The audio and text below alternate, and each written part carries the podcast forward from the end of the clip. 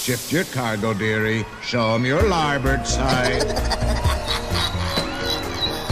Ik heb persoonlijk kunnen vaststellen dat het paleis werkelijk een lust is. Final arrangements may be made at the end of the tour. Het is weer ochtend in Pretparkland. Goedemorgen pretparkland en welkom bij je ochtendelijke pretparkpodcast. Mijn naam is Ellen Taats en Thibaut van Look en ik bezoeken vandaag Star Wars Galaxy's Edge.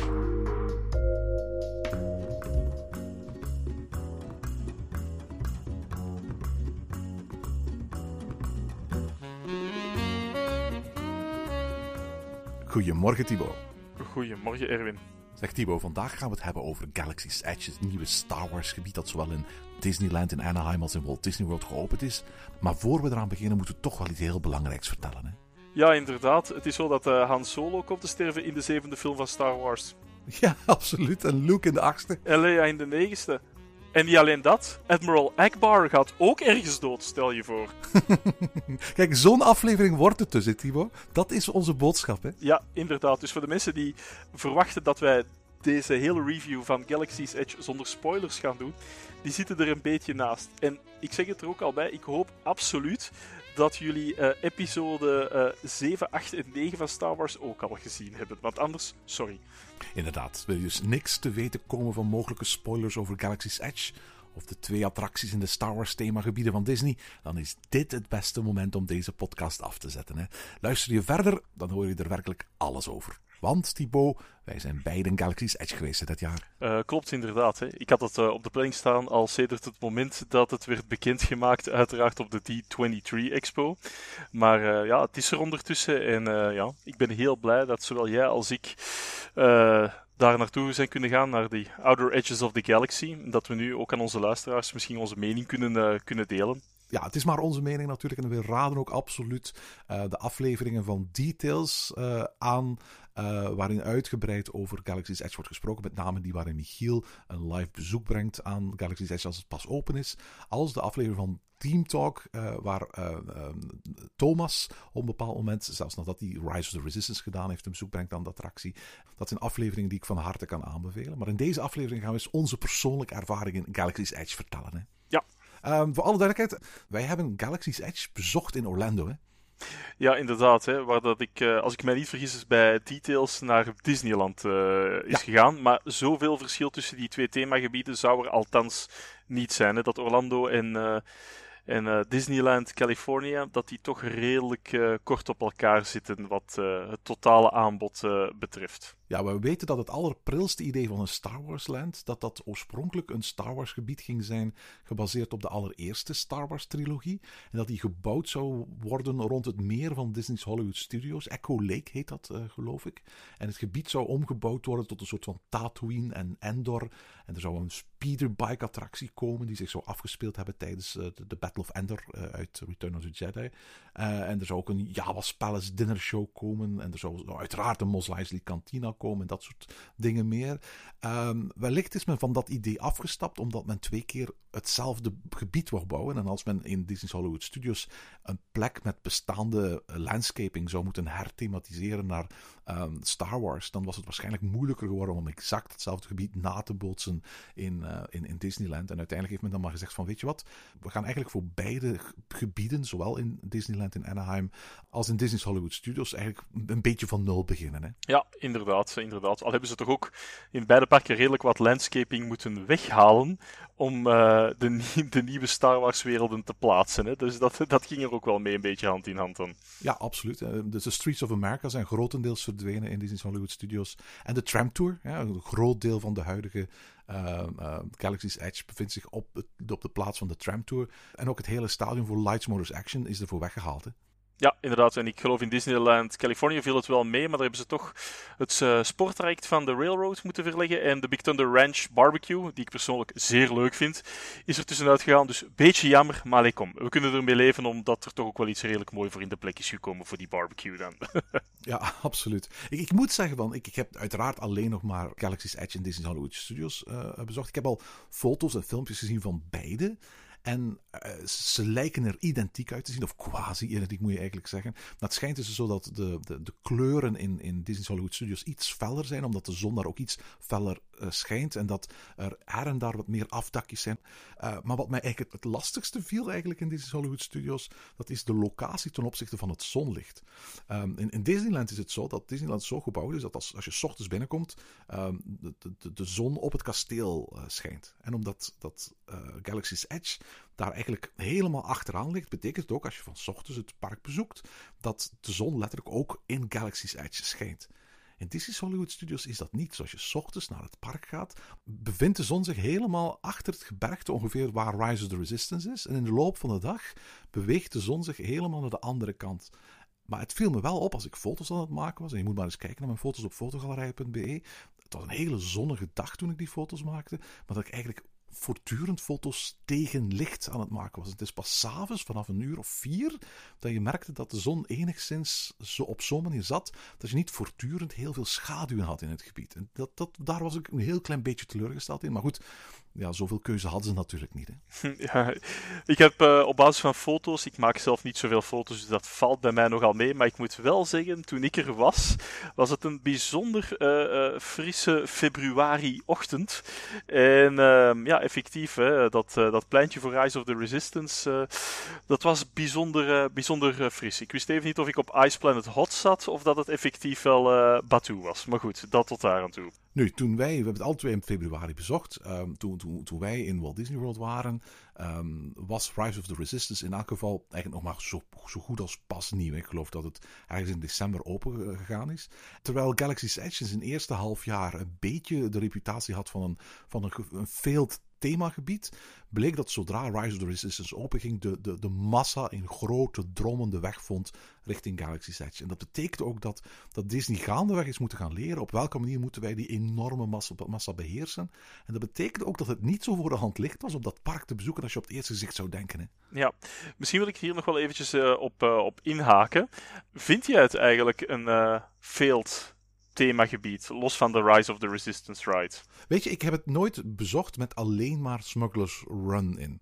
Ik kan mij heel goed voorstellen dat ik wellicht iets of wat teleurgesteld zou geweest zijn, mocht ik um, Galaxy's Edge bezocht hebben en daar alleen maar één attractie hebben aangetroffen. Een attractie waar ik bovendien ook een beetje mijn twijfels bij heb, maar daarover later meer. Ik heb het uiteraard voor het eerst bezocht toen het eigenlijk helemaal af was. En dat betekent inclusief Rise of Resistance. En, nee, absoluut niet. Dit is een geweldig themagebied. Ja. Kijk, ik, ik, ik, zal eventjes uh, dat, dat kaderen. Het is een geweldig themagebied. Je, het moet al heel, heel sterk zijn voordat je zegt dat, eh, zoals al ben je de grootste anti-fan van Star Wars, dat het niet indrukwekkend is wat daar als themagebied staat. Het enige waar ik wel een beetje een gevoel bij heb, en ik ben voor de duidelijkheid geen gigantische Star Wars fan, maar ik kan die films wel uh, appreciëren, afhankelijk van de welke. Hè. Altijd leuke discussie voor daar.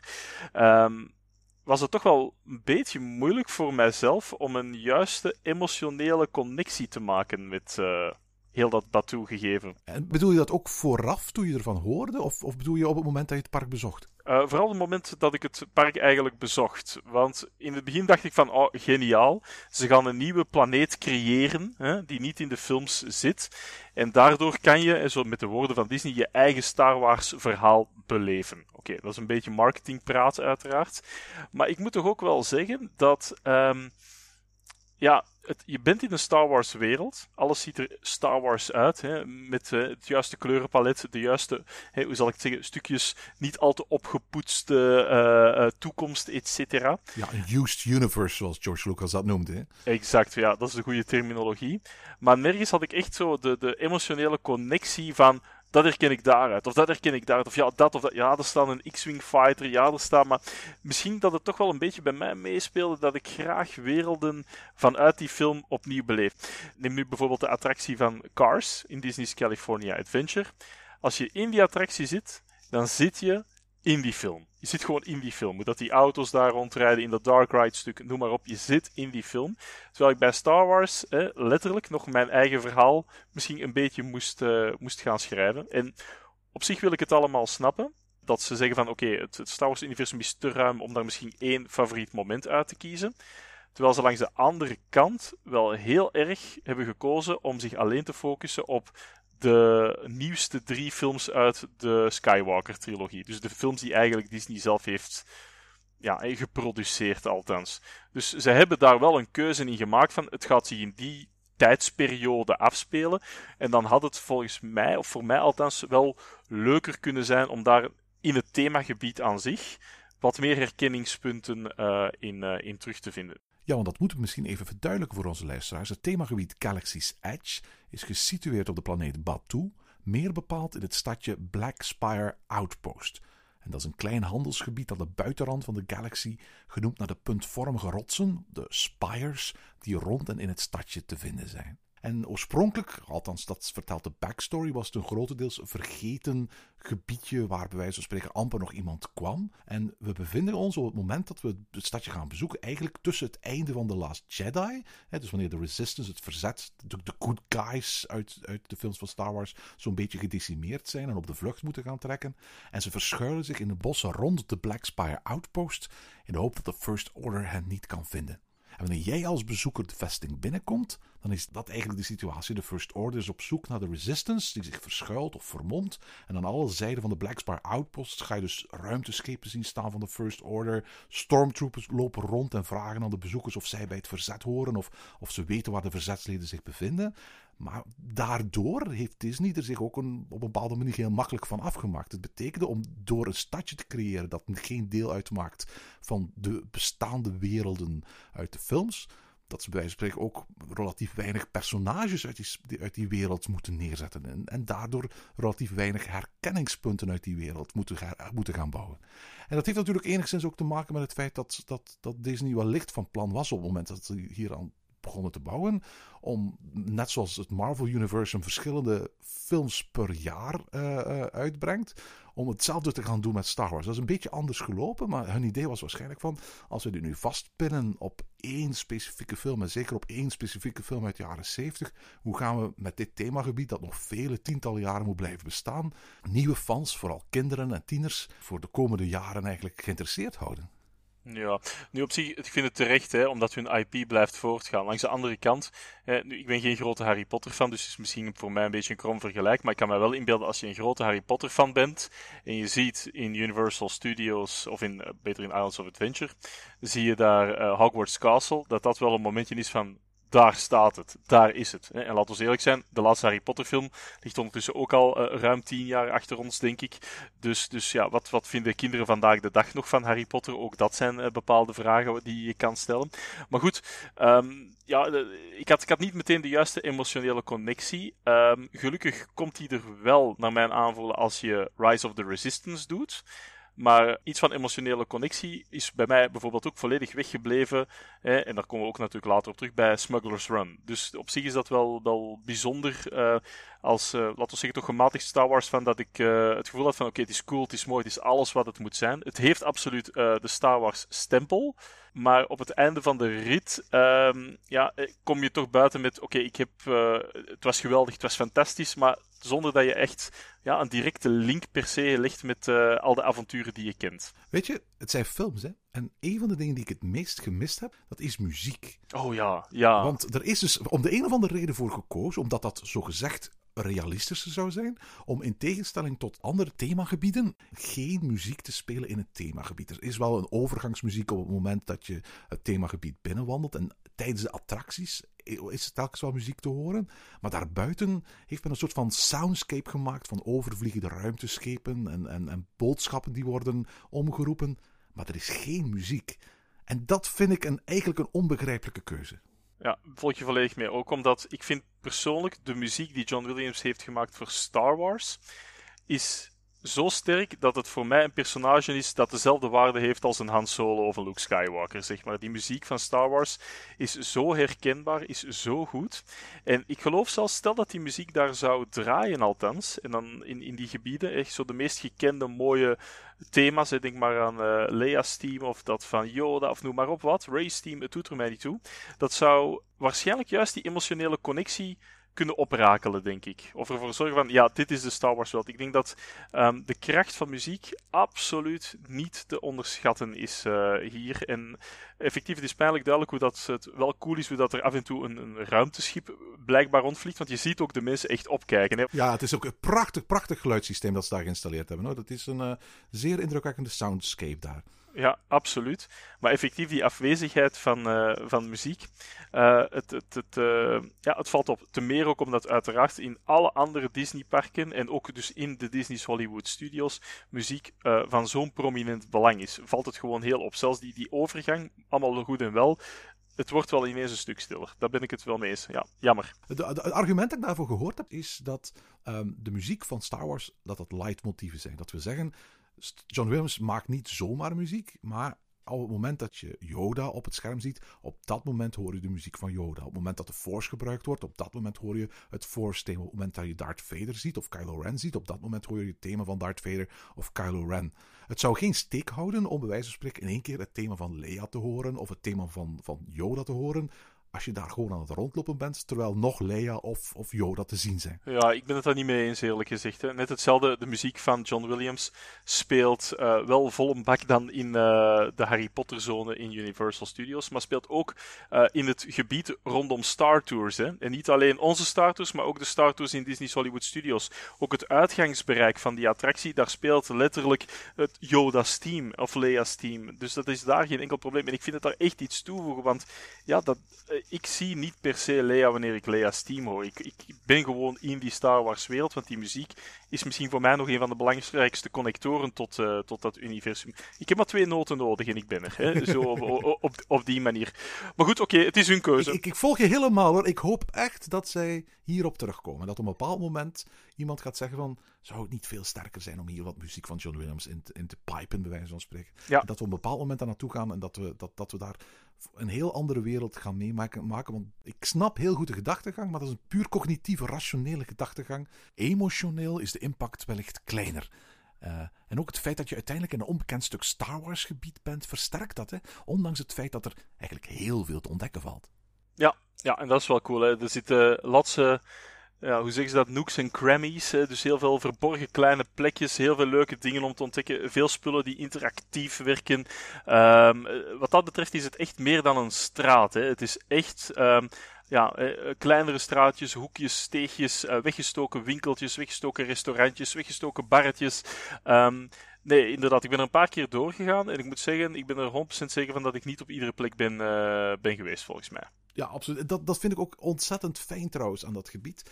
Um, als je de layout ziet, dus vooral die prachtige luchtfoto's die je vaak ziet, dan denk je soms van, eigenlijk zo groot ziet dat er niet uit. Maar voor alle duidelijkheid, als je er doorheen wandelt, is het veel groter dan je op het eerste gezicht zou denken. En bovendien, er zijn verschillende lagen, er zijn verschillende hoogteniveaus in het gebied aanwezig. En uh, ik, ik moest in de eerste plaats ook een beetje gaan zoeken, waar bevind ik mij hier ergens?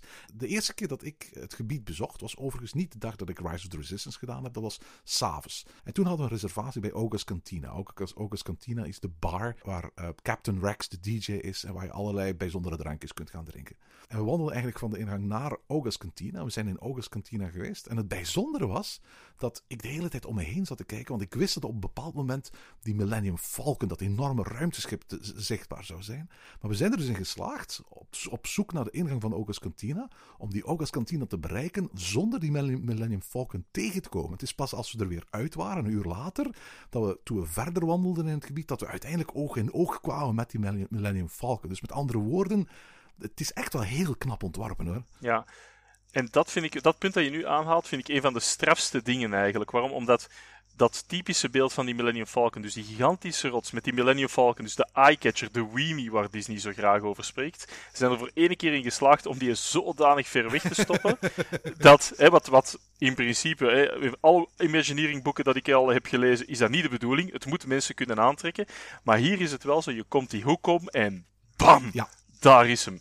En dat effect is zo wow. Dat vind ik echt knap. Dat vind ik echt zot. Eigenlijk zou je hier misschien kunnen zeggen dat het een soort van invisible weenie is. Het is de weenie waarvan iedereen weet dat hij er staat. En die dus mensen steeds dieper het, het, het gebied intrekt. Zonder dat je hem kunt zien. Maar omdat hij zo iconisch is en zo bekend is weet iedereen gewoon van op een bepaald moment ga ik oog in oog staan met die weenie. En daardoor ga je steeds verder het gebied in. Ga je steeds meer andere straatjes en, en hoekjes gaan, gaan verkennen. Ja. Misschien is dit wel het eerste voorbeeld van een invisible weenie. Gewoon omwille van zijn legendarische bekendheid. Ja, het is, het is ongelooflijk, eh ongelooflijk straf. Dus ja, ook als je daar staat en je draait je even 360 graden rond en je moet beseffen, je moet beseffen dat het allemaal artificieel en nep is, dan sta je toch wel even te kijken van, mijn god, wat hebben ze hier gedaan? Hè? Na de Floating Mountains van Avatar en al dat soort zotte dingen, of een vulkaan in eh, Tokio te zetten, is, is dit toch wel één die ook op het palmares er weer bij komt van,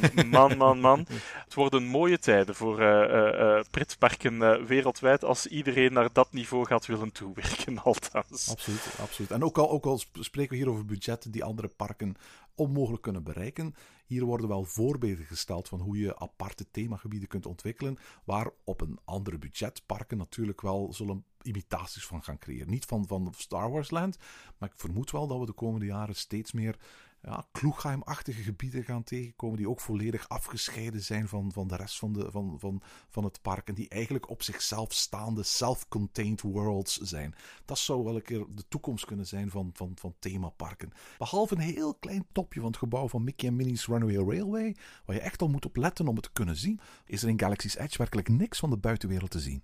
Nee, inderdaad. Ik heb echt de indruk dat ze het een beetje in de. Ja, dat ze zich wat hebben ingegraven, dat een beetje meer in een put is gelegd, zelfs, heb ik de indruk. Om, om toch die sidelines eh, zover mogelijk buiten te houden van de rest van het park. Maar goed, misschien moeten we eens teruggaan naar het begin. Dit is dus onze eerste indruk van, van het gebied. Ja. Maar uiteraard, het is geen gebied waar je zomaar gewoon eens op een willekeurige parkdag een kaartje voor koopt en binnenwandelt. Hè. Dat is heel Disney World niet, hè, Erwin? Dat is. eh, weet, ja, weet je, ik, ik, ik, je hebt planners en je hebt mensen die, die hun bezoek zo intuïtief mogelijk maken. Ik geloof dat je veel meer uit een bezoek van Walt Disney World haalt als je het, als je het goed plant. Dan als je het gewoon een beetje op de bonnefooi gaat doen. Maar ik ben er zeker van dat, dat er heel veel plekken zijn in Walt Disney World, heel veel attracties, die zelfs al heb je op voorhand absoluut geen fastpassen gereserveerd, heb je absoluut geen planning gemaakt, die je toch een heel aangenaam verblijf zullen geven. Dat geldt niet voor Galaxy's Edge. Absoluut niet, nee. Nee, goed. Waar beginnen we? Gaan we meteen eh The Rise of the Resistance eh, miseriewinkel eh, opentrekken? Of eh, Ja, want ik denk inderdaad dat, het, dat, dat, dat Rise of the Resistance dat nog vele malen versterkt heeft. Ik denk dat Disney verwachtte toen, toen, toen het Galaxy's Edge openging met alleen maar Smuggler's Run, dat er al een ontzettende run of, eh, op, op, op het themagebied zou zijn. Men had daar ook een heel boarding pass systeem, zowel voor Anaheim als voor, voor ehm, eh, Disney's Hollywood Studios in Orlando eh, voor in plaats. Dat geloof ik, denk ik, één dag gebruikt is in Anaheim en nooit in, in, in, eh, in Orlando. Met andere woorden, eh, toen, de, toen, toen Galaxy's Edge opende alleen maar met, met Smuggler's Run, was het een themagebied waar je min of meer gewoon in en uit kon wandelen. Er stond wel eens een rij van anderhalf uur bij Smuggler's Run, maar dat viel al bij al nog mee. Ja, nu is het zo dat eh, Rise of the Resistance door Disney, Disney zijn woorden, wordt eh, gemarket als our most ambitious ride ever. Je kent de tekst wel, Erwin. Die ook eh, door het pretpark uiteraard wordt, eh, wordt rondgeroepen, nog voordat het pretpark officieel open is. Hè? Want de, de, de truc, en verbeter mij waar ik eventueel fout ga, is dat je op het moment dat het park officieel opent, en dat kan 7 uur s ochtends zijn, dat kan 8 uur s ochtends zijn, het is altijd vroeg, hè? dat is eigenlijk wel het verhaal, dat op die moment je via de app van Disney, via My Disney Experience, een plekje moet reserveren in die attractie. Ja, klopt. Hè? En dat heeft een, ehm, ja, laten we zeggen, een aantal eh, voordelen, vind ik persoonlijk. Maar ik weet niet of ze per se daarom opwegen tegen de nadelen die daaraan vasthangen. Ja, het betekent wel gewoon dat er weer eens een ander reservatiesysteem geïntroduceerd wordt. Restaurants moet je 180 dagen op voorhand reserveren. Eh, Hotelgasten kunnen attractiefastpassen 60 dagen op voorhand reserveren. Niet-hotelgasten kunnen dat 30 dagen op voorhand reserveren. En Rise of the Resistance kun je alleen maar gaan reserveren. Maar je moet echt reserveren pas nadat je de dag van je bezoek het park bent binnengekomen. En die combinatie van verschillende systemen, die ook allemaal verschillende startmomenten hebben, uiteraard voor ons Walt Disney World Pro's, laat ik het eventjes zo zeggen, of mensen die in elk geval genoeg met deze hobby bezig zijn om het allemaal te weten, valt het allemaal nog mee. Maar ik kan me wel voorstellen dat, dat iemand die gewoon ergens in een reisbureau een, vakantie voor een week naar Walt Disney World heeft geboekt, ehm, dat Rise of the Resistance best wel eens een hele grote deceptie zou kunnen zijn. Zeker als je juist bijvoorbeeld met, een, met kinderen uit die doelgroep voor Star Wars naar Galaxy's Edge zou gaan. Absoluut, hè? want het is al zo dat ik uh, tijdens een busritje van mijn resort naar Disney Springs uh, uh, vijf gezinnen tegelijkertijd heb gecaterd met dit moet je doen als je hem wilt doen hoor jongens. zij waren effectief van zin, wij gaan morgen naar de studios voor Star Wars. En ik dacht van ik haak toch even in. you guys are aware of the boarding system. jullie weten dat jullie een boarding pass nodig hebben.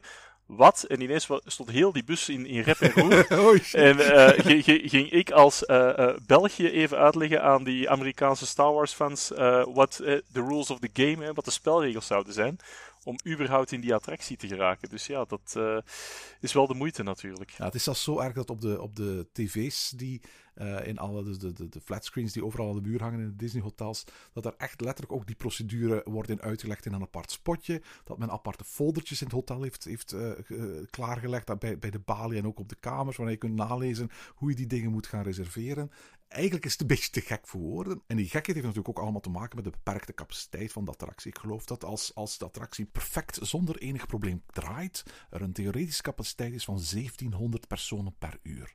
Dat klinkt veel, dat is nog niet eens de helft van wat per uur in Pirates of the Caribbean past. Ja, maar goed, natuurlijk in perspectief ten opzichte van een ander pretpark. En ik weet het, hè, uh, appelen met peren vergelijken, misschien in termen van bezoekersaantallen.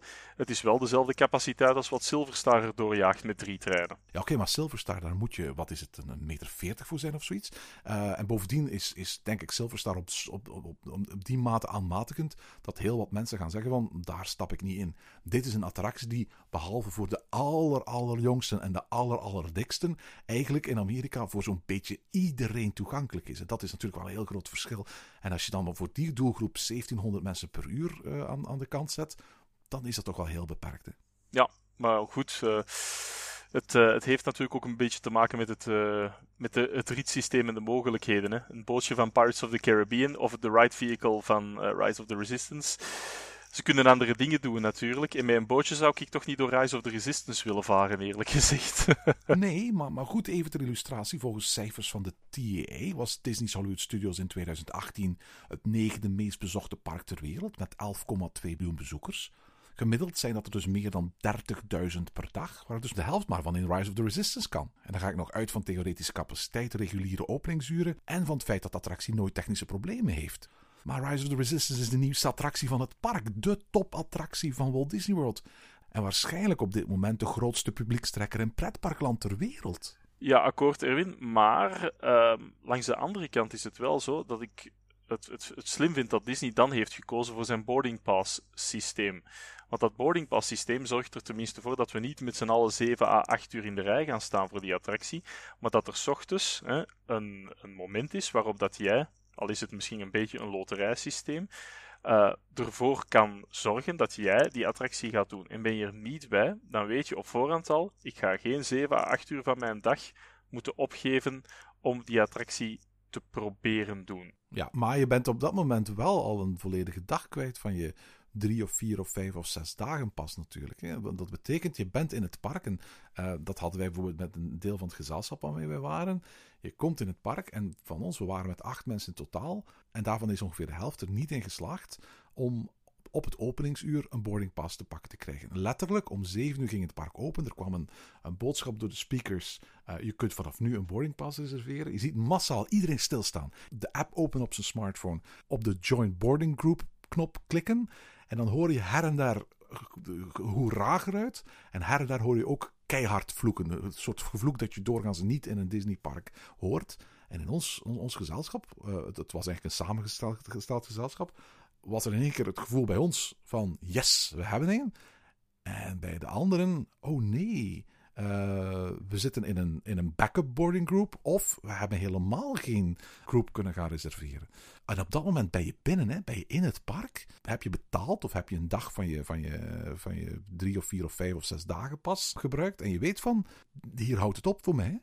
Ja, nee, dat, dat snap ik. Hè, maar daar hè, maak ik graag dan zelf ook de afweging van ja, wat, wat is het betere alternatief, Erwin? Zeven uur in de rij staan? Nee, zeven uur in de rij staan niet. Met mijn voorstel zou wel zijn om mensen op voorhand in elk geval die garantie te geven dat ze de attractie kunnen doen of niet. En dat wil bijvoorbeeld zeggen, in plaats van pas als je toekomt heel vroeg om zeven uur s ochtends die procedure doen, waarom niet bijvoorbeeld elke dag om acht uur s'avonds de avond vooraf die procedure laten doorlopen. Zodat iedereen bij wijze van spreken die dat wil doen, op dat moment eigenlijk een reservatie heeft voor de volgende dag. En dan weet ik ook, als ik die niet heb kunnen scoren, dan kan ik de volgende dag naar een ander park gaan en dan probeer ik de volgende dag weer. Ja, Nee, absoluut. De, er, zijn, er zijn heel veel stukken over geschreven online, hè, over hoe het eventueel beter zou kunnen. Langs de andere kant, Erwin, stel dat ik jou nu uh, zou zeggen, uh, je gaat nu terug naar, uh, naar Walt Disney World, het boarding pass systeem is er niet meer. Wat zou je zeggen? Zou je dan zeggen hip hip hoi? Of zou je zeggen, nou, misschien heb ik het toch liever terug? Wel, stel dat het systeem het aan kan, zou ik gewoon liefst hebben dat er een, een fastpass uh, uh, voorhanden is die, die ik letterlijk 60 dagen op voorhand kan, uh, kan, kan boeken natuurlijk. Maar laat me gewoon eventjes heel concreet mijn ochtend vertellen dat ik die attractie gedaan heb. Ik, ik, ik sliep in een hotel van Disney. Ik ben om, om um, half vijf wakker geworden. Je doucht, je kleed je aan. Vervolgens kijk je wanneer is mijn eerste bus. Want alleen maar de bussen rijden zo vroeg. Dan bleek de eerste bus ergens uh, rond 5 uur 40 te zijn. Die roosters staan niet vast, maar worden op het moment zelf afhankelijk van noodzaak ingepland. Dus met andere woorden, je moet ook op tijd bij wijze van spreken opstaan om te gaan zien in de app wanneer is de eerste bus. Dat, kan dat had al kunnen zijn om 5 uur kwart, dat had ook om 5 uur 30 kunnen zijn, dat kan ook 5 uur 40 eh, kunnen zijn. Vervolgens moet je op tijd gaan aanschuiven, want voor alle duidelijkheid, je wil wel zeker in die eerste bus zitten, want anders kun je er niet meer op en moet je misschien een half uur wachten tot de volgende bus er is. Gevolg, wij waren uiteindelijk in het, aan het park ongeveer kwart over zes.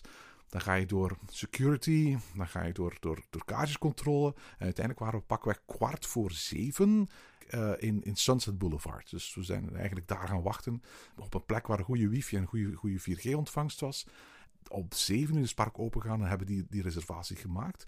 Uiteindelijk zaten we in boarding group 12, die uiteindelijk een uurtje later uh, open ging. Dus we konden uiteindelijk al relatief snel in, in Rise of the Resistance. We hebben eerst nog een ontbijtje gaan halen bij, bij Ronto's Roasters. Maar, maar het, het, het, het, idee dat ik opgestaan was om 4 uur 30 ochtends om naar een park te gaan dat zich op een paar kilometer van mijn hotel bevond, om daarna pas tegen pakweg 8 of 8 uur 30 ochtends die attractie te kunnen doen. Dat ging zo in tegen elk gevoel van gastvriendelijkheid en gastvrijheid dat ik altijd met het merk Disney heb geassocieerd, dat ik echt bij mezelf dacht, dit zou toch anders moeten kunnen. Ja, dat snap ik. Kijk, ik, hoe, heb ik het gedaan? Hè, om eventjes dat vergelijk te maken. Ik ben eigenlijk al naar uh, Disney World gegaan met het idee van, ik wil hem uiteraard doen. Is het niet zo ja, dan ga ik nog altijd een fantastische vakantie hebben. Absoluut. Wat op zich al redelijk fout is dat je met die ingesteldheid vertrekt. Nu, ik moet ook zeggen, ik ben dus ook op een ochtend het gaan, uh, gaan proberen. En ik, ik, ik moet wel zeggen, ik denk dat ik mezelf er een beetje heb doorgefloten. Het park ging open om 8. Ik ben opgestaan rond iets na 6. Om kwart na 7 de bus op. Om half acht aan het park. Om kwart voor acht in het park. Om 8 uur boarding group gereserveerd. Ik had boarding groep 3. En nog voor half 9 was ik uit de attractie. Dus ik heb mij daar letterlijk doorgefloten. Maar het is wel zo dat ik uh, ook herken dat die ochtend, waarin dat je moet toeleven naar ga ik hem hebben, ja of nee, toch wel een, soort van um, ja, bijna stressy gevoel met zich meebrengt. Een soort positieve stress misschien wel hoor. Maar... Het is dus positieve stress als je er uiteindelijk in slaagt om dat attractie te doen natuurlijk. Hè? Ja, de ontlading is goed. Hè, want jij zei daarnet, je hoort mensen juichen en mensen vloeken. Ik heb al juichend gevloekt dat ik, die, dat ik hem had. hè? Dus uh, om, om, om daar maar uh, de twee samen te combineren. Maar het, het is effectief een, een, een heel gedoe en een heel uh, geduivel om uiteindelijk die boarding pass vast te krijgen. Maar ik ga wel zeggen, Erwin, eens je hem hebt, is dat uh, goed nieuws natuurlijk. Absoluut. Maar, maar eens dat je de attractie doet en je komt eruit, heb je dan het gevoel van, jezus, dat was al die moeite echt niet waard? Of heb je iets van, ik ben blij dat ik al die moeite gedaan heb? Wel ja, natuurlijk. Dat was echt een fantastische attractie. Ah, oké, okay, gelukkig. Bij mij ook. Ik had ook het gevoel van, oké, okay, al het gedoe, laat staan al het, al het opzoekwerk dat ik ook thuis heb gedaan om toch maar op de juiste manier aan die boardingpas te gaan geraken. Hoe moet het, hoe werkt het? Um, dat geeft wel een gigantische ontlading en gevoel van, van voldoening. Eens dat je die attractie gedaan hebt en beseft van, mijn god, wat hebben we hier juist even meegemaakt? Want moeten we het misschien ook niet eens een keer over die attractie hebben, Erwin? Ja, ja, ja. Of, of misschien het hele themagebied en dan niet zo de emotionele impact die het themagebied heeft. Het themagebied bestaat uit, drie onderdelen: de Resistance Forest, de Black Spire Marketplace en dan het First Order gebied. En eigenlijk wordt iedereen geleid langs dat Resistance Forest. Als je binnenkomt, dan moet iedereen, althans voorlopig nog, binnen eigenlijk langs het gedeelte waar die Rise of the Resistance attractie ligt, waar ook de ingang van die attractie is. Vervolgens is er in het midden het, de Black Spire Marketplace, uh, waar dus uh, eigenlijk gewoon een soort marktje. Hè. Je moet je een beetje voorstellen, zo'n levende markt à la Jeruzalem, Istanbul, Marokko, dat soort zoeksachtige sferen. En dan heb je het, het eerder ja, clean gedeelte helemaal achterin. Uh, van de First Order, uh, uh, waar eigenlijk niet echt attracties zijn, maar ook heel veel shops en vooral heel veel meet and greets en interactieve fotomomenten en waar de Blue Milk wordt verkocht. Dat zijn de, de drie grote gebieden binnen het Star Wars geheel. Hè? Ja, ook eventjes in de marge. Uh, Blue Milk, don't do it. Maar goed, dat is mijn smaak. Ik heb het niet gedronken trouwens. Ik heb het echt niet gedronken. Het was 8 dollar voor een glaasje sojamelk. En het raar is, ik, kan het ook niet associëren met iets uit Star Wars, eerlijk gezegd. Ik, ik zal er ongetwijfeld wel eens een scène gezien hebben waar het gedronken is. Het is iconisch. Toch wel, ja? ja, laten we zeggen, um, het is in de eerste film. Uh, wanneer ze op Tatooine zijn en uh, binnengaan in de hut van uh, ja, de ouders van Luke. Of toch, op die moment moet je nog denken dat het de ouders van Luke zijn.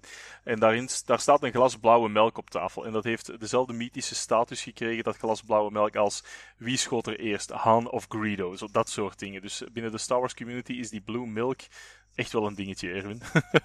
maar het was niet lekker dus.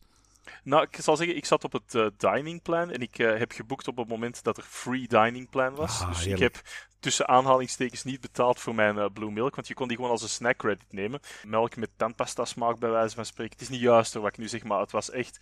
De kleur en de smaak klopten niet met elkaar, alsof dat je iets kan inbeelden bij dat fluo blauwe, maar het was echt... Nee, het was echt niet geweldig. En ondertussen zie je daar een hele rij mensen staan die dat dan nog eens bestelt met een open rum erin en zo. Al die Amerikanen vinden het allemaal wel geweldig.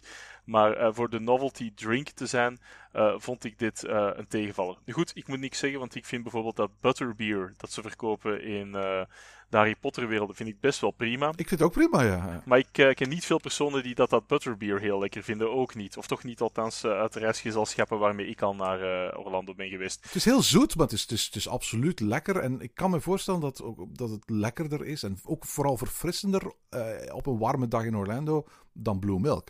Oh, sowieso, sowieso. Alhoewel, die butterscotchy flavor vind ik toch ook wel redelijk zwaar, hoor, uh, op, op een warme dag. Maar goed, ze zeggen iets, les goûts et les couleurs, hè. Daar, daar discussiëren we niet over, maar over wat moeten we anders discussiëren, hè, Erwin? Voilà, is dat.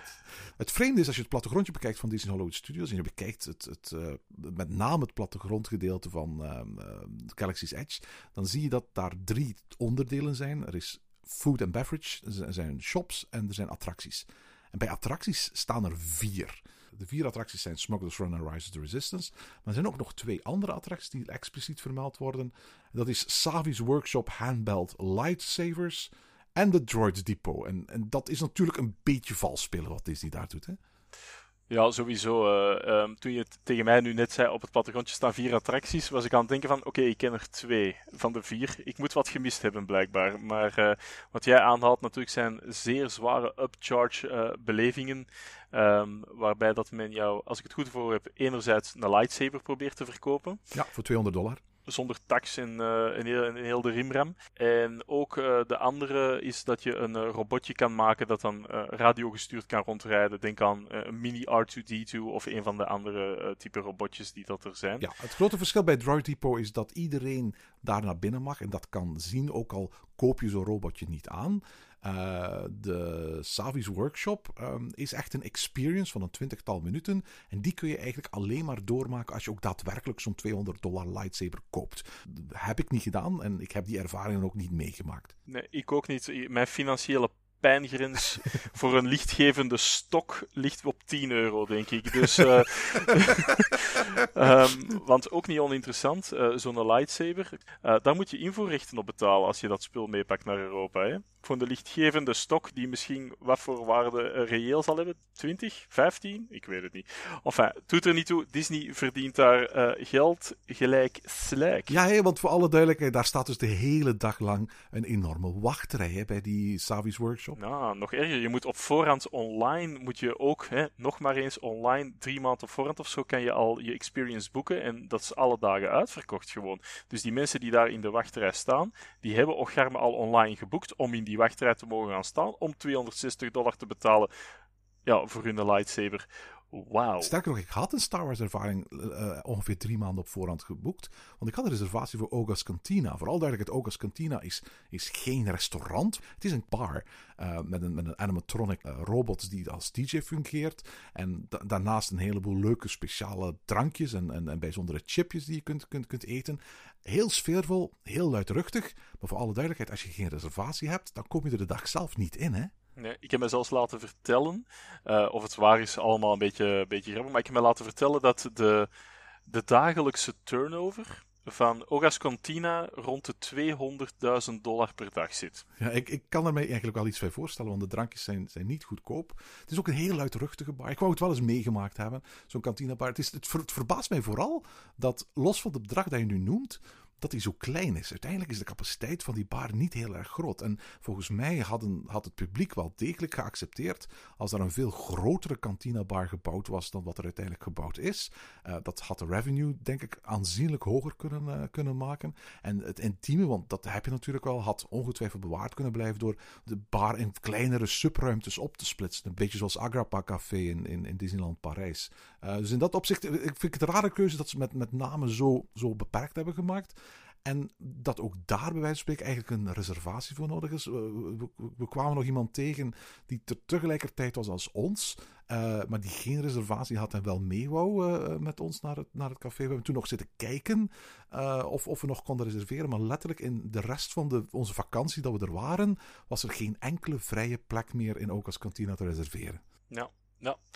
Kijk, ik denk ook wel, Erwin, door die bar zo klein te maken eh, weet je wat het is? Hoe minder volk daar op een dag binnen kan, hoe exclusiever en hoe grager of hoe liever de mensen het willen. Dat is een beetje de Westvleteren van Galaxy's Edge. dat is de, ik ga het gewoon zo noemen. Ja, ja, ja. ja, ja, ja. Dat die, die ook moeten reserveren, ja, inderdaad. Ja, ja, ja. En uh, stel dat Westvleteren overal te krijgen was in iedere supermarkt, dan zou niemand uh, waarschijnlijk zo zot doen over uh, dat bier. Maar goed, hè, dat, dat tot daar aan toe. goed, nu hebben we het nu altijd niet over Rise of the, of the Resistance gehad, hè? Wauw. nee, nee, nee, want we hebben nu wel over, over, over, over twee van de vier attracties uh, uh, gehad die op de Parkmap als, als attracties staan, maar die voor alle duidelijkheid geen attracties uh, zijn.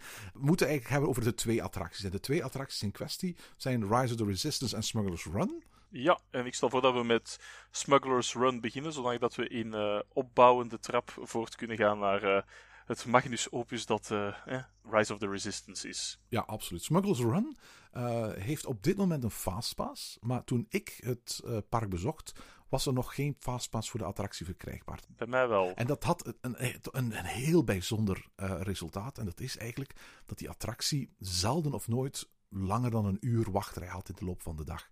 En dat, want het betekent dat iedereen gewoon via de standaardrij naar binnen mocht. En uh, van het moment dat men daar overgeschakeld is op, op Fastpass, heb je daar letterlijk bij wijze van spreken die, die, die wachtrij exponentieel langer zien worden. En, en ik vind dat een sowieso zeer interessant fenomeen om te zien hoe groot het verschil is in wachtrij uh, tussen het moment dat er geen Fastpass gebruikt werd en het moment dat er wel Fastpass gebruikt is. En wat mij betreft absoluut een argument tegen Fastpass.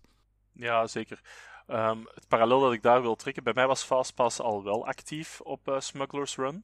Dus ik heb er toen voor gekozen om Smuggler's Run te doen tijdens een Magic Hour. Hè, wanneer dat voor de duidelijkheid alleen hotelgasten het pretpark in mogen, of on-site guests. En dan uh, is Fastpass ook niet toegankelijk. Klopt. Nu, ik heb daardoor voor Smuggler's Run iets van een 40 minuten moeten wachten, maar het, de strafste vond ik persoonlijk uh, de Slinky Dog Dash Ride. Dat is de achtbaan van Slinky Dog, die van wachttijden uh, nog altijd Smuggler's Run blijft overstijgen tijdens de dag. En wij hebben die tijdens die Magic Hours gedaan. We hebben heel die wachtrij moeten uitgaan. Helemaal. Dus echt letterlijk van onder het bord van de attractie tot aan de treintjes. En dat was 20 minuten. 20 minuten, Erwin. En op een normale dag is dat 150. Absoluut. Dus ja, dat, dat, dat, dat toont maar dat het lang geen 50-50 verhaal meer is eh, op Fastpass, maar dat het meer een 70-30 of, uh, ja, of zo is. In sommige gevallen denk ik zelfs een, een, een 1910 of zoiets hoor.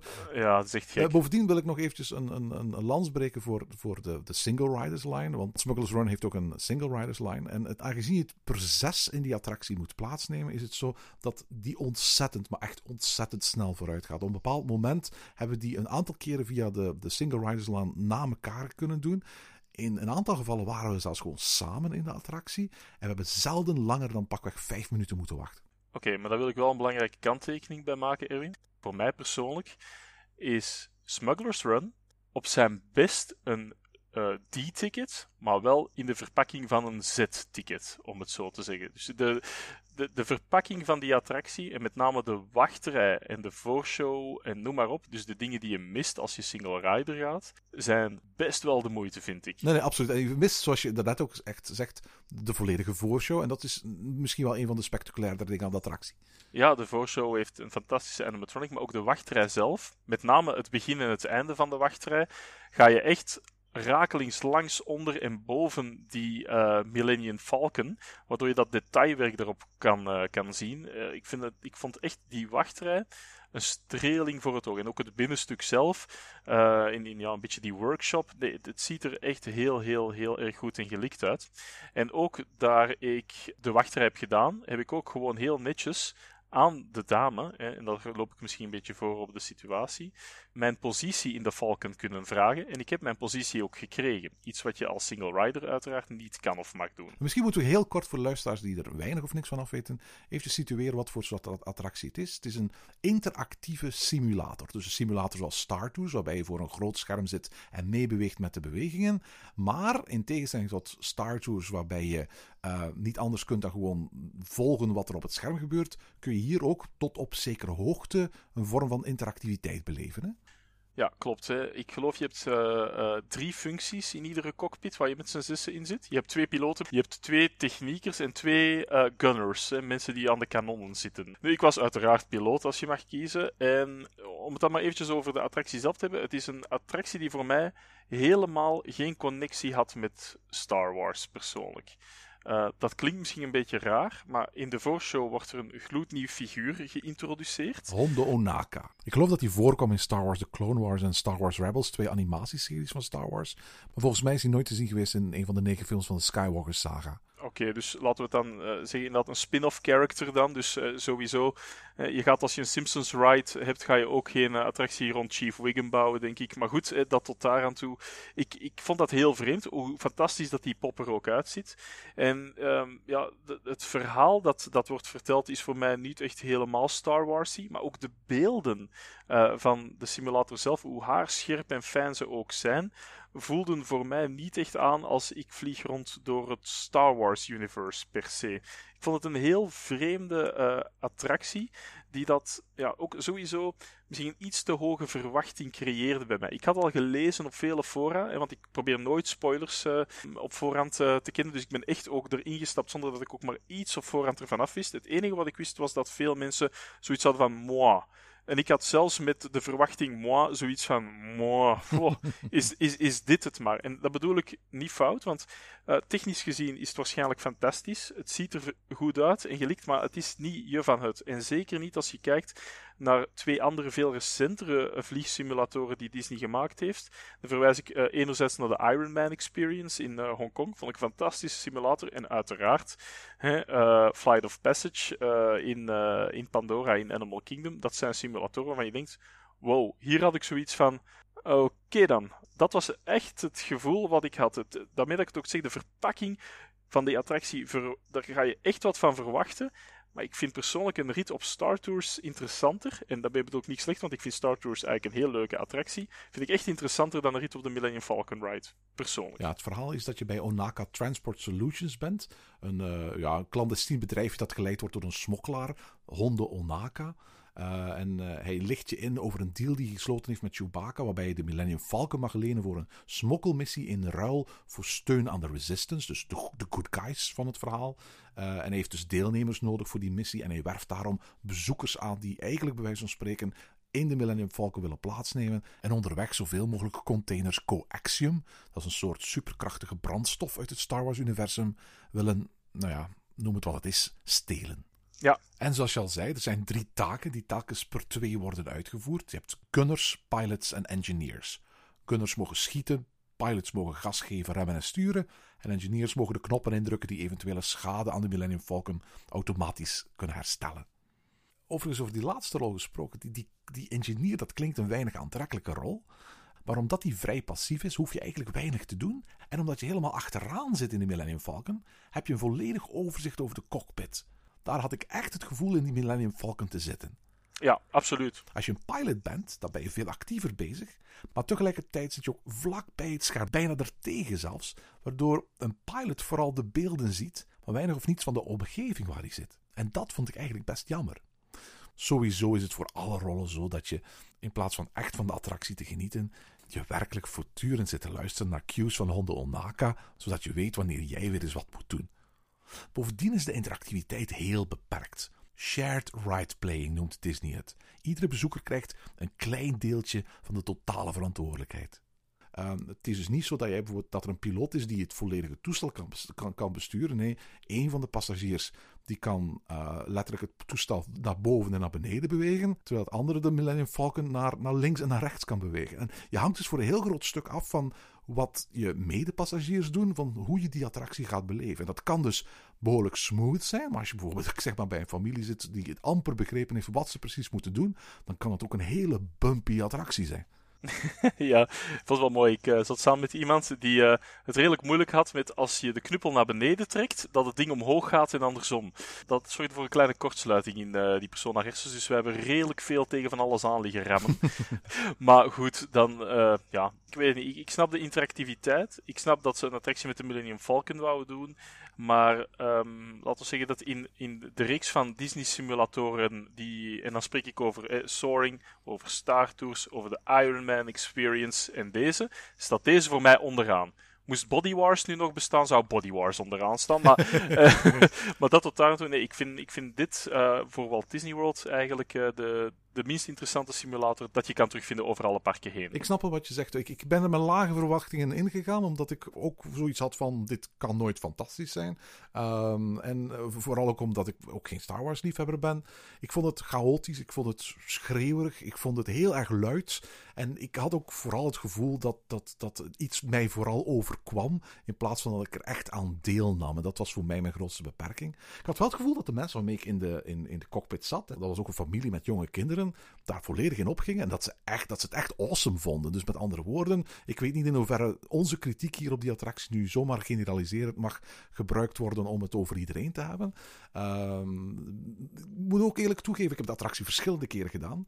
Uh, dat voor een interactieve attractie te zijn, dat de verschillen van rit tot rit echt wel in details zitten. Het is niet dat je echt letterlijk kans krijgt om bij wijze van spreken een volgende keer een andere afslag te nemen of een andere missie uit te voeren. Op een bepaald moment moet je een lading uh, van een schip van de First Order proberen te stelen.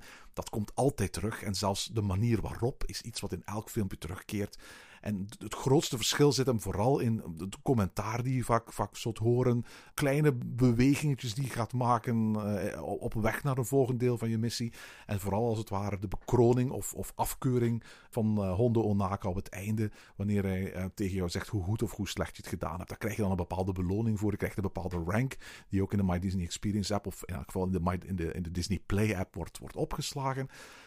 Maar daarna wandel je naar buiten en zeg je van, oh, was wel leuk. Uh, maar, maar, ik kan me heel goed voorstellen, vooral duidelijker om terug te komen op iets wat eerder bespraken, dat zat ik Galaxy's Edge bezocht had op het moment dat dit de enige attractie was, dat ik wel heel erg teleurgesteld zou geweest zijn. Ja, inderdaad.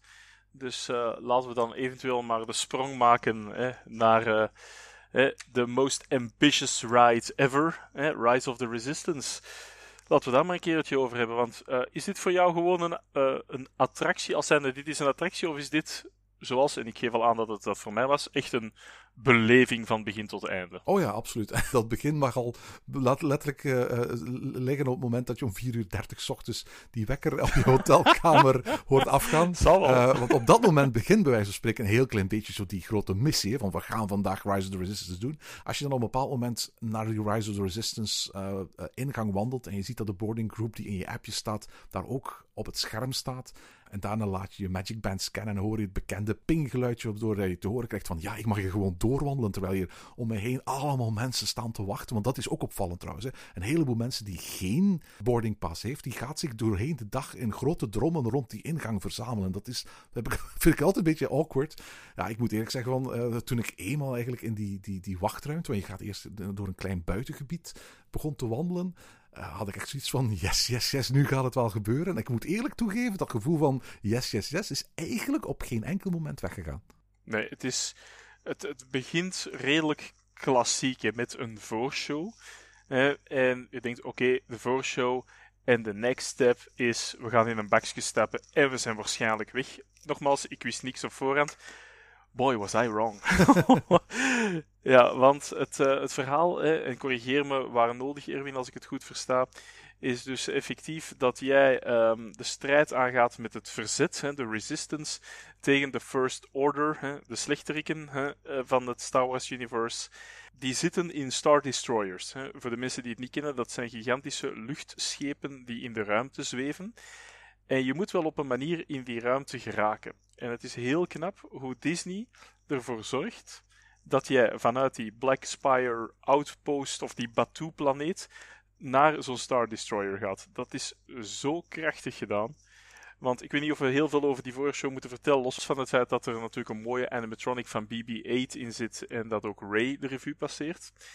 Want ik zeg het, ik dacht na die voorshow, oké, ik snap het allemaal wel, we worden verzet, we moeten wat vechten, haha. En uh, het, het, overleven van het verzet ligt in onze handen. Het typische pretparkverhaaltje. En ineens gaat er een deur open, je staat terug buiten in een binnenkoer met een X-Wing fighter in mijn ruimteschip. Ik van, wat? Wat?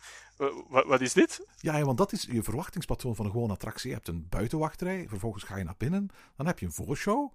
En dan verwacht je dat na die voorshow de hoofdshow of misschien een tweede binnenrij start in, in dit geval ga je door een deur en sta je weer buiten, te middel van een rotsachtig gebied. En daar staat dan een transportschip dat bemand wordt door uh, luitenant Beck.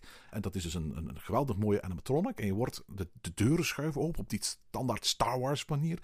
En dan ga je naar binnen. En dan besef je in één keer van, wacht eventjes, ik heb eigenlijk een heel ander idee van wat Rise of the Resistance moet zijn in mijn gedachten dan wat dit is. Want de deuren gaan dicht en dan, dan begint eigenlijk een attractie, hè?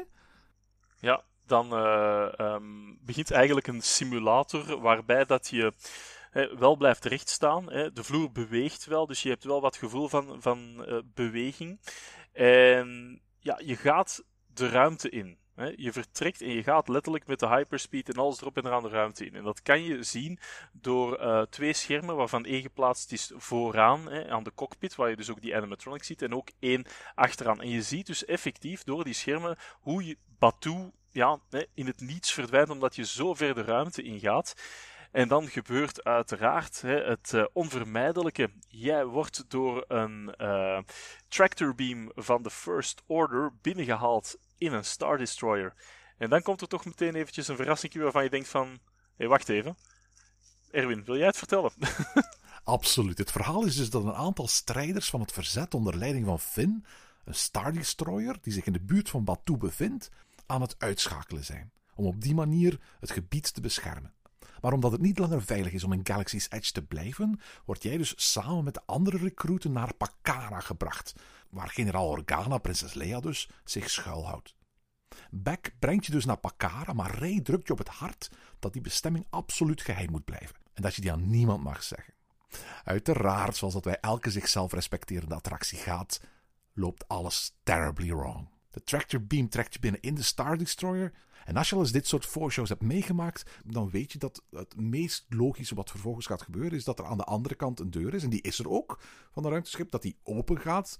En dat je vervolgens in het volgende deel van de attractie stapt. Wat het meest bijzondere is, dat op het moment dat de voorshow afgelopen is, als je op het moment dat je met die tractor beam bent binnengehaald, dat op dat moment exact dezelfde deur open gaat als de deur waardoor je het ruimteschip bent binnengegaan. Ja, dat is echt zot. En dat je als het ware geland bent en een ontzettend grote hangaar terechtkomt. Je bent ook letterlijk in die Star Destroyer. En ik moet ook zeggen, dat effect dat werkt echt straf. Ik, alleen in het idee van, oké, eh, leuk en je gaat van de ene plek naar de andere, maar op die moment ben je in je hoofd, vind ik, ook niet meer in de gedachte van, goed, ik zit nu in een gebouw achter het frontje dat aan de andere kant staat. Die gedachte is weg, vind ik. Je zit letterlijk precies in zo'n Star Destroyer, in een andere wereld, in zo die super mooie, super clean Star Destroyer van de First Order. Met ook vanuit die launchway een gigantisch, ja, wat is het, televisiescherm? Ik weet het zelfs niet, projectiescherm, waarop dat je, ja, de deep space ziet. Het is, het is zeer knap gedaan. Mag ik eens iets zeggen? Ja? Voor mij, het moment dat je uit dat transportschip stapt en in die launch bay, is wat mij betreft het meest exceptionele staaltje storytelling en imagineering van heel Galaxy's Edge. Ja, absoluut. Wat mij betreft is dat het, het grootste wow-moment dat ze daar hebben neergezet. Ja, en dat, dat merk je ook, hè, want in principe moet je vanuit die zaal uh, ja, meteen voortgaan. Hè. Er is ook uh, uh, personeel dat volledig, hè, of castmembers die volledig als first order, ja, niet troopers, maar als commandanten althans verkleed zijn en die jou echt verzoeken van jij moet die kant uit en jij moet daar naartoe. Dus ze, ze commanderen jou, we gaan jou in een gevangenis steken, dat is een beetje de boodschap. Maar ze geven jou wel net voldoende tijd om eventjes te appreciëren in wat voor een omgeving je bent. Ze beseffen wel dat je daar niet kan op aankomen en dat ze meteen moeten zeggen: Allee, hup, mag dat gevoerd zijn, want de bakjes wachten en subiet komt hier de volgende aan, bij wijze van spreken. Nee, ze geven echt jou de tijd om eventjes het in je op te nemen van wow. En je merkt ook aan de mensen die dus samen met jou dat transport hebben meegemaakt en dus ook buiten komen, je kunt een speld horen vallen. Ja, het is bijna een kathedraal. Het is een gewijde ruimte waar je binnenkomt, hè? Ja, iedereen is onder de indruk. En, en je merkt effectief, het is, ja, zoals je zegt, bijna dat kathedraalgevoel.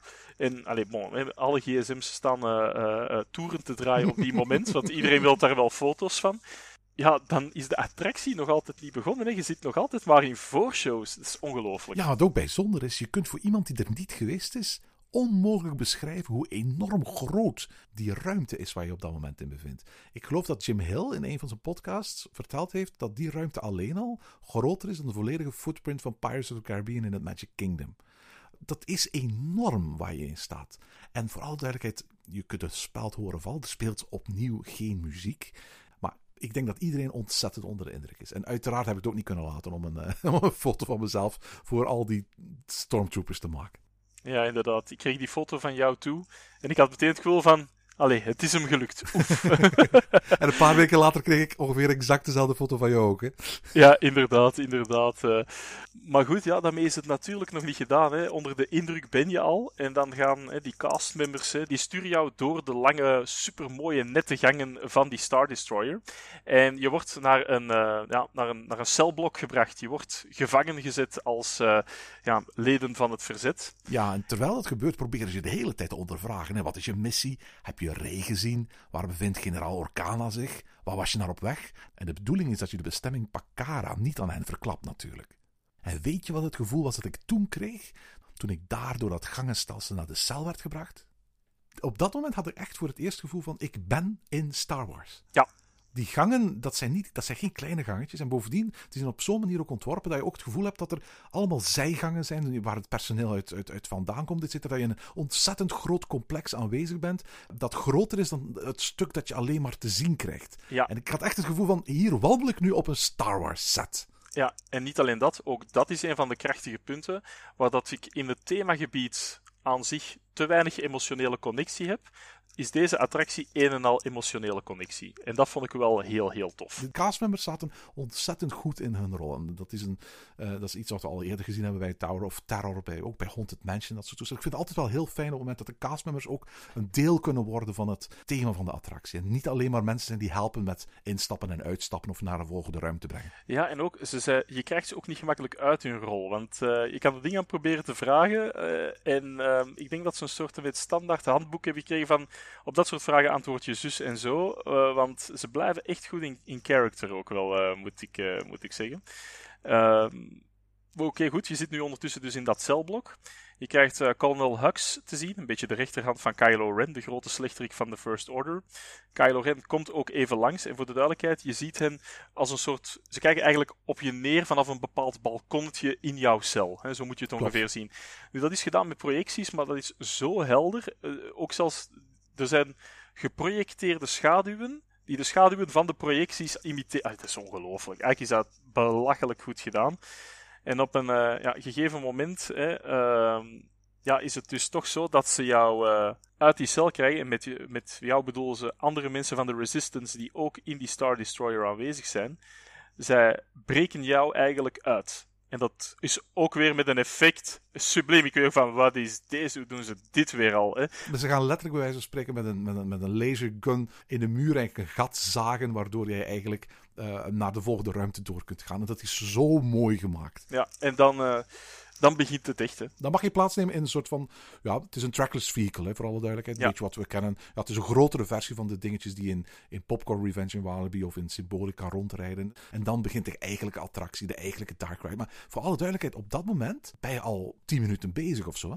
Ja, ja, ja, ik denk dat de totale rietbeleving met uh, Dark Ride en alles erop en eraan, dat je 17 minuten of zo onderweg bent. hè? Mhm. Dus, uh, maar het, het coole wel aan dus die vehicles ook dat heeft zijn verklaring. Hè? Want dus die mensen van de Resistance, hè, die hebben die bakjes gecharterd, maar eigenlijk zijn dat prisoner transport vehicles van de First Order. En daar zit van voor een robotje op, een droid. En die is geherprogrammeerd om ervoor te zorgen dat die vehicles naar een soort escape pod kunnen gaan en dat je met die escape pod terug naar Batuu kan gaan. Dus vanaf dan wordt het echt een ontsnappingsmissie. Je moet uit die uh, ja, Star Destroyers zien te geraken en je moet naar een van de escape pods. En ja, dan gaat alles fout natuurlijk. Hè. Nu, we, kunnen natuurlijk de rit nu stap voor stap gaan beschrijven. Maar eh, het, komt er eigenlijk op neer dat je letterlijk bij wijze van spreken onder een, een salvo van laserguns en, en dat soort dingen meer uh, bestookt wordt. Het is een, uh, een attractie die zich bevindt op twee verdiepingen. Dus er zitten ook twee liften in. Eén waarbij je op een bepaald moment de kans krijgt om op de, de bovenverdieping terecht te komen. En de andere die je terug, terugbrengt, maar dan in de vorm van een simulator. Hè. Dat is dan die escape pod, waarmee je eigenlijk terug teruggebracht wordt naar het, naar het eerste niveau. En het tof is dat alles aan zo'n hoog tempo gebeurt dat je echt niet weet waar gekeken. Hè? Dat is ongelooflijk. Ik moet zeggen, Erwin, waar dat eh, Popcorn Revenge en uh, Symbolica trackless zijn, die autootjes of die karretjes beter van die attractie, ja, die, die, die gaan op een gezapig tempo vooruit. Maar hier zitten motoren in die er echt wel voor kunnen zorgen dat die, nou, wat zal zijn, misschien tot drie, vier keer de snelheid halen van uh, de bakjes die door Symbolica heen gaan. Mm -hmm. En um, naar, afhankelijk van hoe spannend het moment ook is, hoe sneller of hoe trager die gaan. Want bijvoorbeeld die droid die vooraan in dat bakje zit, hij bestuurt eigenlijk het hele gebeuren. Jij bent volledig in handen van die droid. En als het spannend wordt, merk je ook dat die droid, dat dat bakje wat van voor naar achter, wat links naar rechts gaat, omdat die droid zenuwachtig aan het worden is. Zelfs dat soort kleine dingetjes is aan gedacht. En dat is subliem. Op een bepaald moment is het zelfs zo, bijvoorbeeld, dat, dat kun je niet zien als je, als je on the rides bekijkt, dat Kylo Ren jou met zijn force krachten bij wijze van spreken probeert te bedwingen. En die animatronic gaat met zijn handen zo in jouw richting wijzen en, al, en, en die heen en weer bewegen. Maar op dat moment bewegen ook de karretjes van links en rechts mee, alsof ze letterlijk door de force worden aangedreven. Uh, hij duwt ze op bepaald moment ook weer naar achteren. En, en die interactiviteit met die animatronic is zo ontzettend goed dat ik dacht van, wauw, dit is wat je ook kunt doen met een trackless vehicle. Uh, zeer onder de indruk was ik daarvan. Ja, inderdaad. Ik vind het, er zit ook, allez, er zit een moment in waarbij dat je, en zelfs als je niet wilt gespoild worden, heb je dit al gezien. Um, er zitten twee AT&T's in, eh, die gigantisch grote vierpotige uh, robotten. Ik moet er ook wel zeggen, Erwin, toen ik de, die dingen voor het eerst in het echt zag, dat die een stuk groter waren dan dat ik had gedacht. Uh, nee, dat, ik vond ze eigenlijk nog redelijk klein uitvallen, eerlijk gezegd. ah, ik, vond, ah, ik vond ze echt huge. Ik dacht echt van, hoe groot is dit? Dus ik, om maar te tonen wat het verschil in verwachtingspatroon kan zijn. Um, ik, vond het, ik vond het heel indrukwekkend. Mijn verwachtingspatroon had wellicht vooral te maken met hoe ik me ze herinnerde uit de films. Met name in um, The Empire Strikes Back spelen de AT-AT's een belangrijke rol. En om de een of andere reden had ik ze me altijd een stuk groter voorgesteld. Ja, ik weet niet. Omdat je er zo onderdoor gaat, vond ik toch dat ze redelijk... Ik, ik was redelijk onder, uh, onder de indruk toch van die scène. Uh, om nog maar te zwijgen van uh, de scène met de gigantische kanonnen. Um, ik weet niet of dat die vermelding waard is, maar... Mm -hmm ja, waarbij jouw trackless vehicles moeten proberen rondrijdende kanonnen uh, ja, te missen. ja, dat vond ik toch ook wel cool bedacht hoor. Hoe dat je daar in, in de actie en tussen de kanonnen zit met, met uh, uitzicht op de ruimte. Er gebeurt inderdaad, er gebeurt te veel om op te doen. Het is gewoon, het stikt zo goed in elkaar. Ik moet eerlijk toegeven dat ik wat dat betreft één ding miste, maar ik snap waarom ze het niet gedaan hebben. Dat is, je wordt eigenlijk doorheen de hele attractie beschoten, belaagd met laserbeams van stormtroopers en kanonnen. En op zulke momenten verwacht je stof en rook en puin maar die zijn volledig afwezig in de attractie. Er is geen mist, er is geen nevel, er is geen rook, er is geen stof. Dat heeft natuurlijk alles te maken met de sensoren die die karretjes perfect moeten kunnen weten te volgen in die attractie. Daardoor was het niet mogelijk om, om dat soort special effects daaraan toe te voegen. Maar ik heb het wel gemist. Ja, ik moet wel zeggen dat op basis van special effect niveau, um, alles wat er rook en smoren en al dat soort zaken moet zijn, dat er toch ook wel met wat projectiewerk uh, wordt. Uh, Klopt, dat is waar. Ja, ja, ja, ja, Projectiewerk dat er wel zeer gelikt uitziet. Maar het is waar, het is anders dan een practical effect. Maar tot daar toe, laten we heel eerlijk zijn, uh, Erwin. Stel dat er overal rookeffecten zouden inzitten, dan zijn die binnen drie maanden toch allemaal stuk. Dus zo erg is dat nou ook weer niet. Hè? Nu, op, helemaal op het einde kom je dus aan, aan die reddingscapsule, die escape pod. En uh, die, die, die, die, die zorgt ervoor dat je los kunt komen van de Star Destroyer. En dan zit je eigenlijk weer eens in een, in een simulator. Hè? Ja, maar uh, deze simulator heeft wel another trick op its sleeve, hè, uh, Erwin. Want hier wordt, niet, hier wordt niks gesimuleerd. Hier gebeurt iets echt. ja, absoluut. Op een bepaald moment ja, maak je letterlijk een val in de ruimte. En die val voel je ook. Hè? Ja, dat is echt gek. Dus dat, je moet het je eigenlijk inbeelden dat trackless vehicle rijdt eigenlijk een lift in. Een beetje à la Tower of Terror. Wat er dan gebeurt is dat die lift naar beneden zakt met een vrije val. Terwijl jij op een simulatorscherm ziet hoe dat jij met jouw escape pod inderdaad in vrije val vanuit de ruimte terug naar Batu gaat. Wat cool is dat het daar niet mee ophoudt, want dat simulatorfilmpje dat duurt denk ik alles samen misschien een seconde of twintig. Ja, ik wou het zeggen, langer dan een half minuut kan het niet zijn. Hè? Nee, absoluut niet. Maar goed, je, je valt naar beneden en wat daar heel cool is in, is dat ook het, de liftkooi zelf ook van links naar rechts en van voor en naar achter kan gaan. En door dat je tijdens het vallen die liftkooi zich eigenlijk ook nog een beetje achteruit gooit, val je precies nog veel dieper dan, dan, dan, dan je denkt. Of is die valervaring, in tegenstelling tot maakt niet uit welke freefall-toren die je al gedaan hebt, nog eens anders dan een, het klassieke freefall gevoel. Voor mij was het echt iets van dit is freefall, maar anders weer. Net omdat hij volgens mij ook ineens zich zo nog een stuk naar beneden eigenlijk laat, uh, laat hellen, of achterover laat hellen. Ja, en dan uh, ja, is het nog even dikke shootout voordat je min of meer veilig landt op, uh, op Batu, uiteraard. Maar ik vind technisch gezien, simulator met rondrijdende trackless vehicles, met freefall, alles samen. Wow, dat is ongelooflijk. Dit moet een hoop geld gekost hebben, denk ik. Het is bijzonder dat ze de letters S in the Rise of the Resistance niet met dollartekens geschreven hebben. Hè? Ja, absoluut. absoluut. En uh, de E's mogen ook met euro's geschreven worden. Uh, vandaag de dag nog altijd meer waard dan een dollar, hè? maar goed. Overigens, nog één dingetje over die simulator. Het ene wat ik daar jammer van vind is het volgende. Eigenlijk is het zo dat bij alle Star Wars attracties je op een bepaalde plaats vertrekt en vandaar een vlucht neemt naar een andere plek. Dat betekent dat je zowel bij Rise of the Resistance als bij Smuggler's Run eigenlijk heel gelijkaardige beelden te zien krijgt. En namelijk, op een bepaald moment stijg je op uit Batu en op een bepaald moment daal je weer neer bij Batu. En het feit dat er zelfs een Star Tours einde is dat land in, in, in Batu, zorgt er dus eigenlijk voor dat je in hetzelfde park drie Star Wars attracties hebt, waarin je op een bepaald moment in een simulator kunt landen in Batu. Dat voelt niet zomaar dubbel op, het is echt triple op, hè?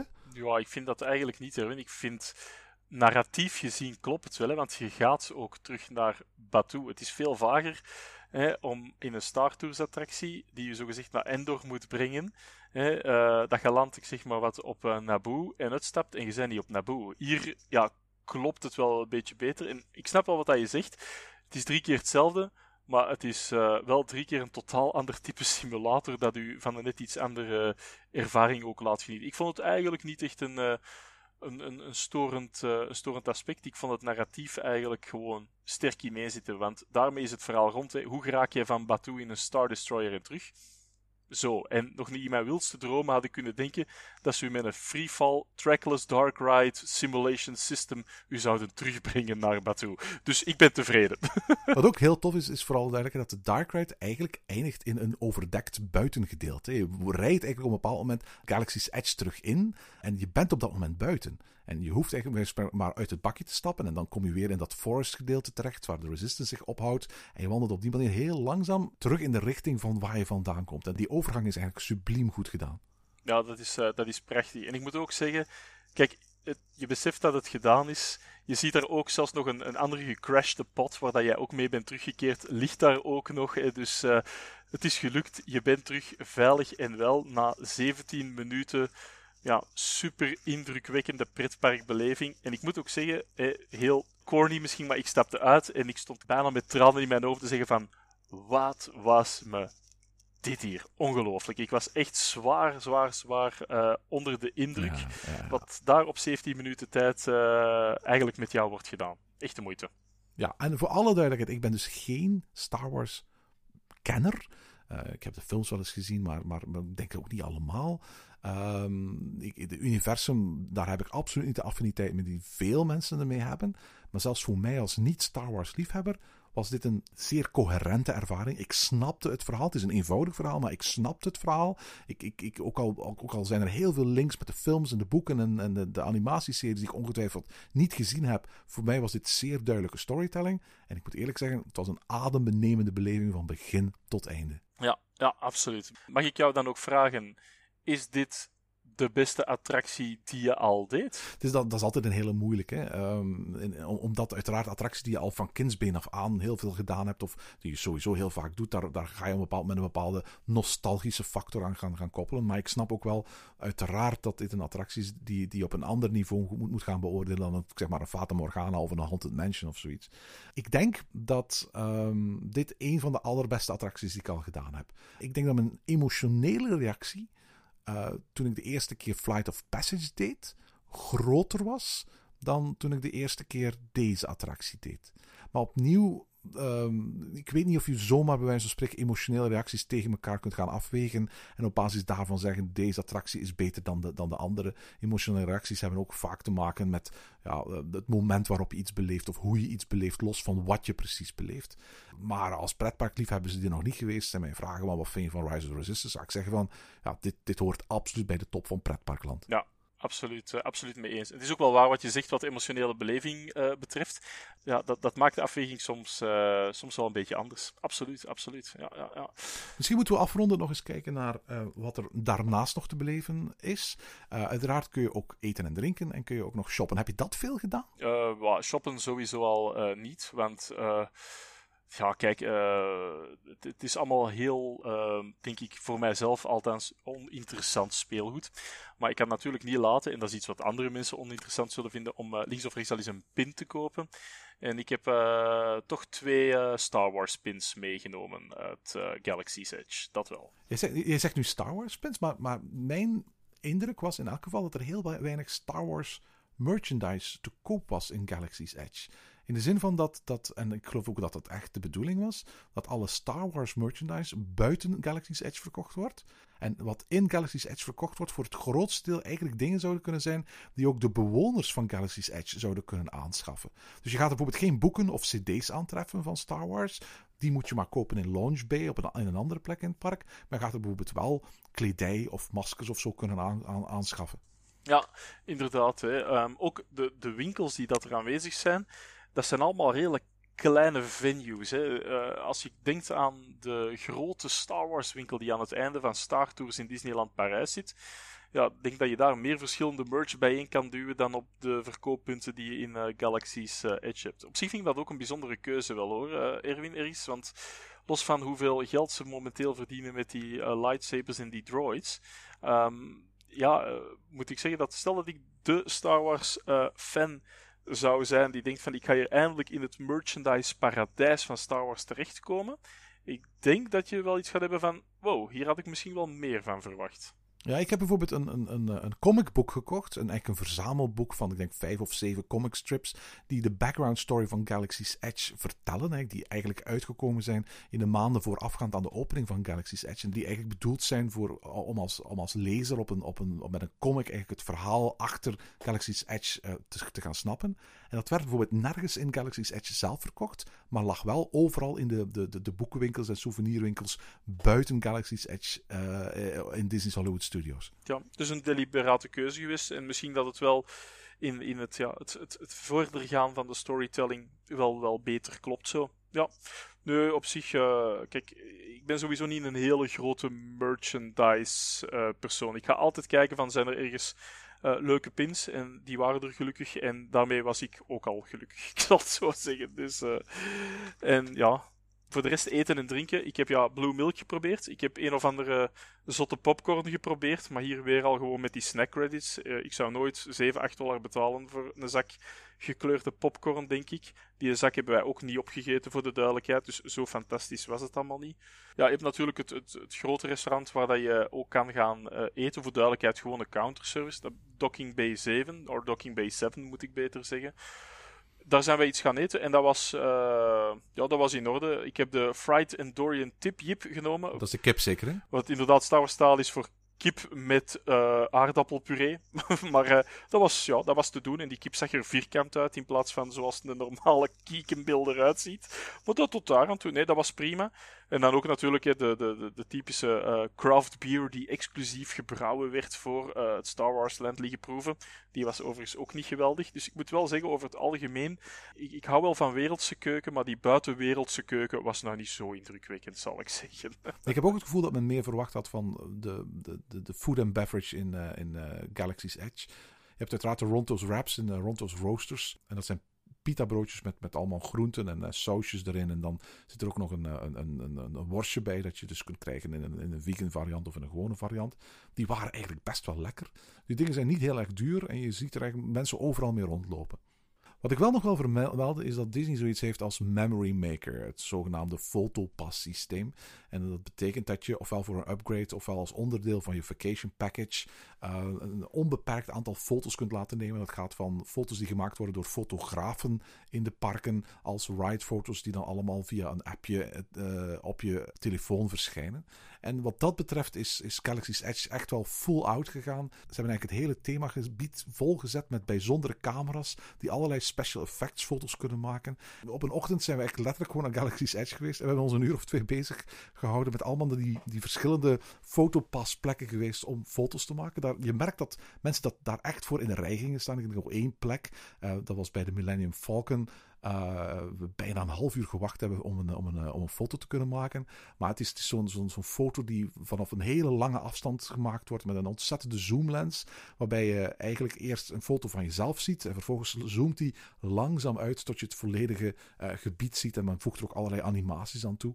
En vroeger was het dus uiteraard zo dat Disney allemaal fotopasfotografen had die, die foto's maakten. Maar die foto's die kon je eigenlijk gewoon ook zelf maken met je telefoon.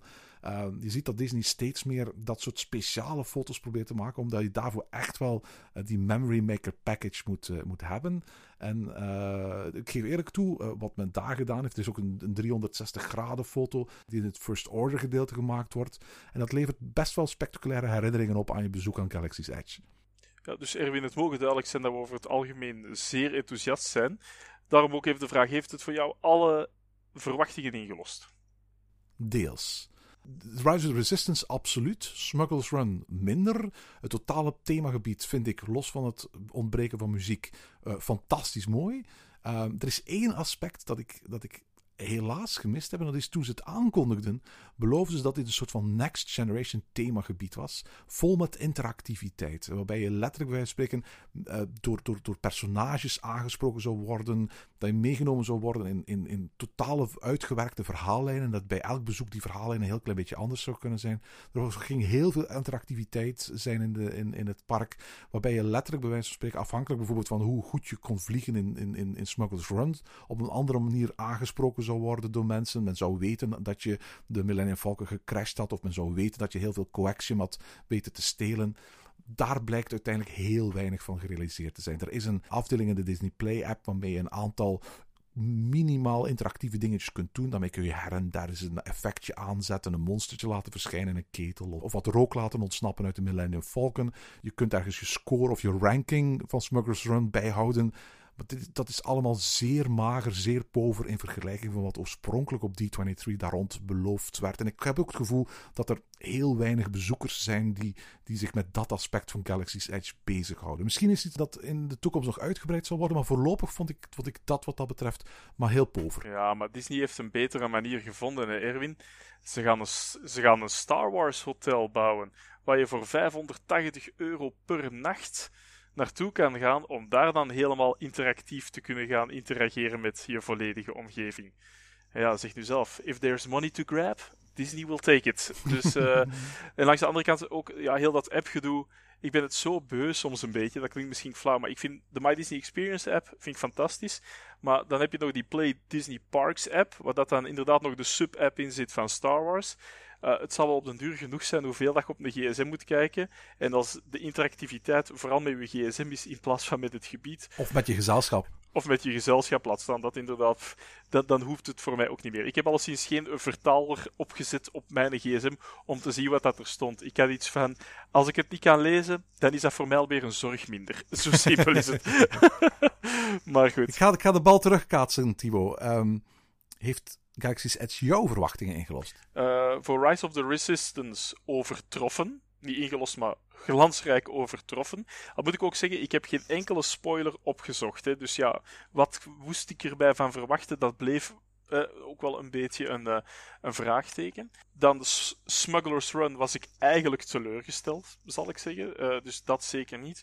En in zijn algeheel is het themagebied ja, sowieso geslaagd. De emotionele connectie ja, mocht iets sterker zijn. Maar niet tegenstaande, het hoeft niet altijd. Hè. De Kloegheim heeft ook geen eh, emotionele connectie, om maar iets te zeggen. Het is even goed fantastisch. Hè. Maar goed, ja, als de naam Star Wars er zo plakt, ja, dan, dan ga je al sneller misschien bepaalde zaken gaan verwachten, die dat daar niet per se aanwezig waren. Maar goed, uh, ik weet niet wat het is.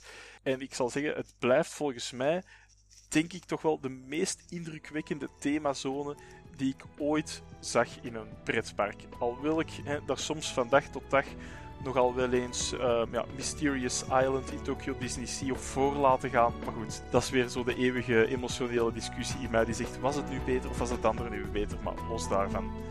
Galaxy's Edge uh, is geweldig en ik ben eigenlijk heel blij dat we uh, nu niet meer moeten spelen met A Galaxy Far Far Away. It's a galaxy 8 hours flying from here. En tot zover deze aflevering van Ochtend in Pretparkland. Heb je vragen of opmerkingen? Mail ons dan via ochtend.pretparkland.be. Meer informatie over onze podcast vind je terug op www.pretparkland.be en nieuwe afleveringen download je via onze website of via iTunes. Ochtend in Pretparkland is de pretparkpodcast voor vroege vogels. Bedankt voor het luisteren en maak er een fijne dag van.